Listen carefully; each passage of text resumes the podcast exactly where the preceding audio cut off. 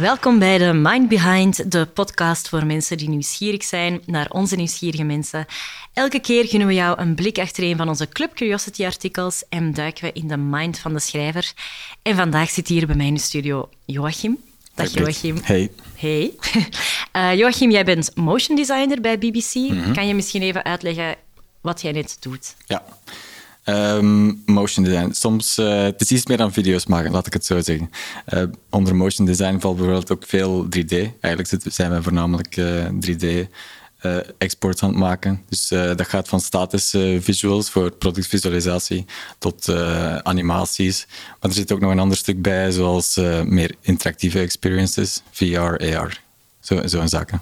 Ja, inderdaad. Zo van die zaken waar we het Mhm. vandaag ook gaan over hebben. Ehm, jij bent ongeveer vijf jaar motion designer bij BBC, dacht ik. Ja. Ehm, hoe, hoe hard heb jij de dingen zien veranderen de afgelopen tijd?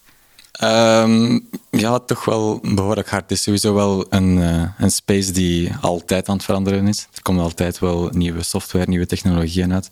Dus je moet, het is echt wel een zaak om, om bij te blijven. En dat is, eh, als je er een passie voor hebt, is dat niet zo moeilijk, want dat is echt gewoon natuurlijk. En dan blijft je wel, wel, wel bij met alles wat er leeft.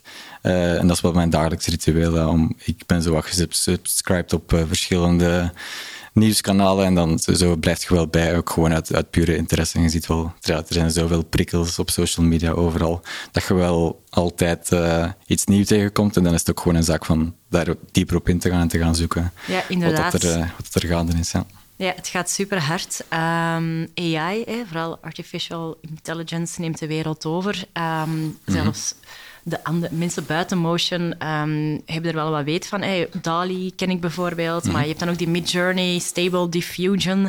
Allemaal van die klinkende namen. Kan je misschien even verduidelijken, wat doen die net? Welk effect heeft dat eigenlijk op jouw branche? Ja.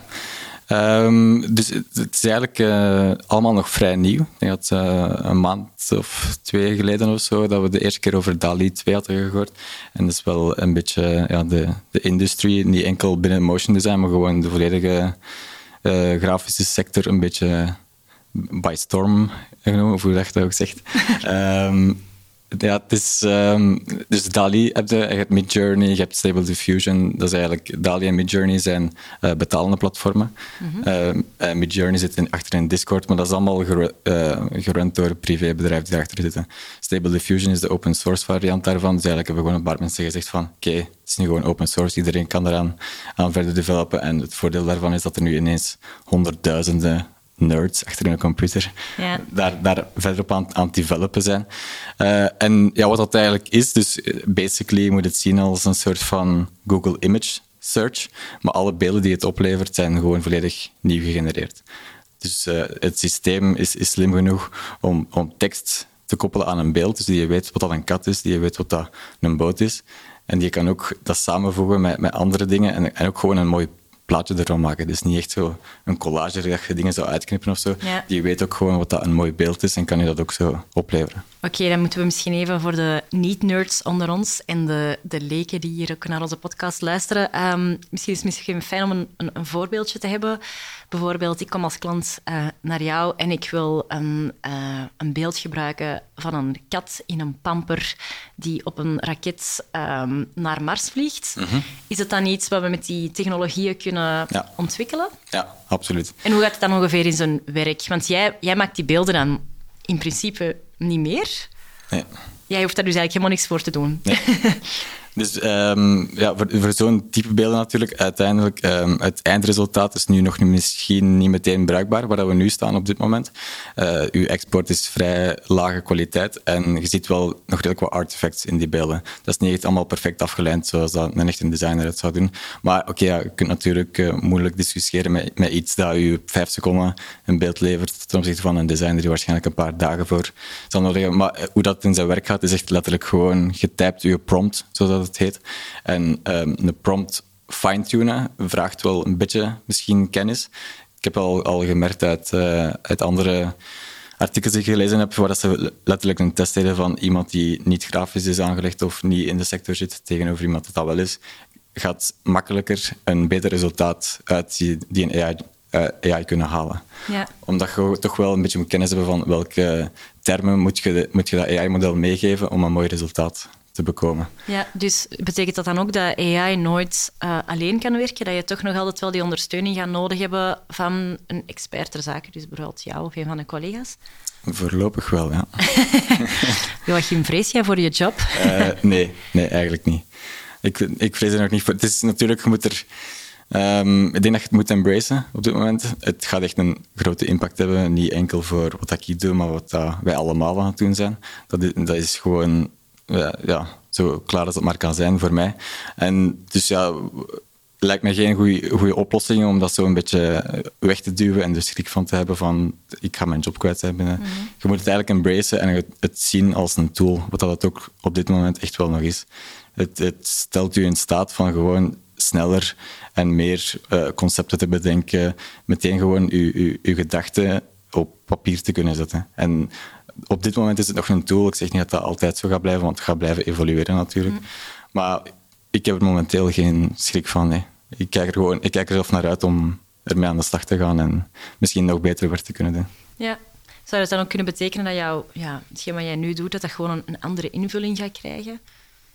Um, ja, ja, dat is wel mogelijk. Ik denk dat er sowieso wel een shift gaat moeten, gaat moeten gebeuren. We gaan allemaal wel een beetje er moeten aan, aan aanpassen, denk ik. Ja, denk ik wel. Ja, zoals vroeger bijvoorbeeld ook uh, advertenties echt nog wel manueel werden getekend. Hè, dat zien we ook minder. Hè. We gebruiken mhm. soms wel illustrators, um, maar dan is Photoshop er gekomen.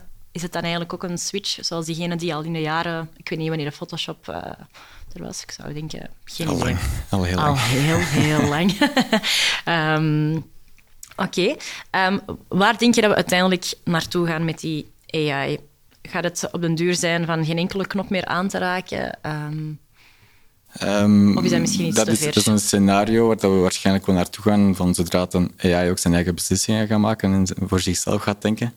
Uh, daar zijn we gelukkig nog niet. Um, het is nu vooral echt uh, door, nog, door onze controle. Maar het gaat wel enorm snel. Echt veel sneller dan dat denk ik, iedereen had gedacht. Het is uh, twee maanden geleden DALI 2. Dan nu met die Stable Diffusion, je kunt je eigen gezicht erin trainen, je kunt je eigen een superhero laten maken. Dat dacht ook niet, dat, dan, ah, we dachten dat dat niet mogelijk was. Um, binnenkort is er ook uh, eh, 3D-models die je kunt genereren uit een beeld. Dus dat komt er ook aan. Dus, ja, Er zijn veel grote spelers mee bezig, ook Nvidia bijvoorbeeld.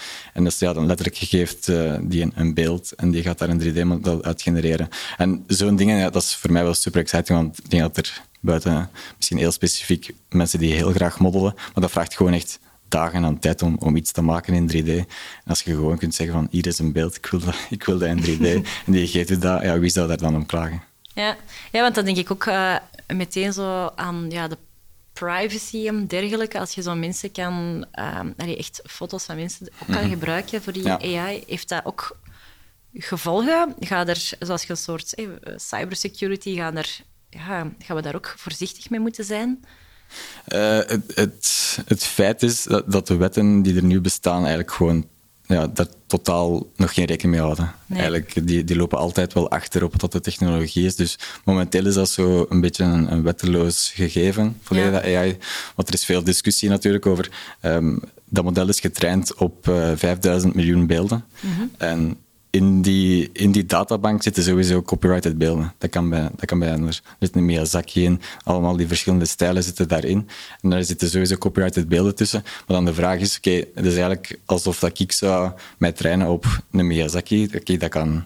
Ik, weet, ik heb geen idee wat een Miyazaki is. Um, Spirited Away, Studio Ghibli, zo die, die genre van films. Ah ja, oké, dat is echt een ja. genre films. Oké, dus dan die, zoeken we dat eens op.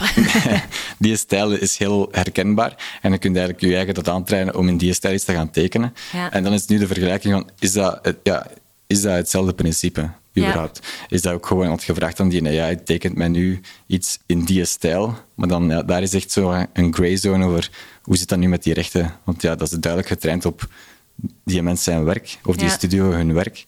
Dus dat is zo nog wat, ja, een gray zone. En los daarvan, ja, natuurlijk ook als je effectief nu mensen die je kent er kunt in gaan trainen, kan dat uiteraard misbruikt worden. Het is niet open source, iedereen kan ermee doen wat dat je wilt. Ja, ik, ik denk gewoon aan deepfake. Um, Wat we daar al mee kunnen doen. En dan kunnen we het nog in een tekenstijl ook zetten.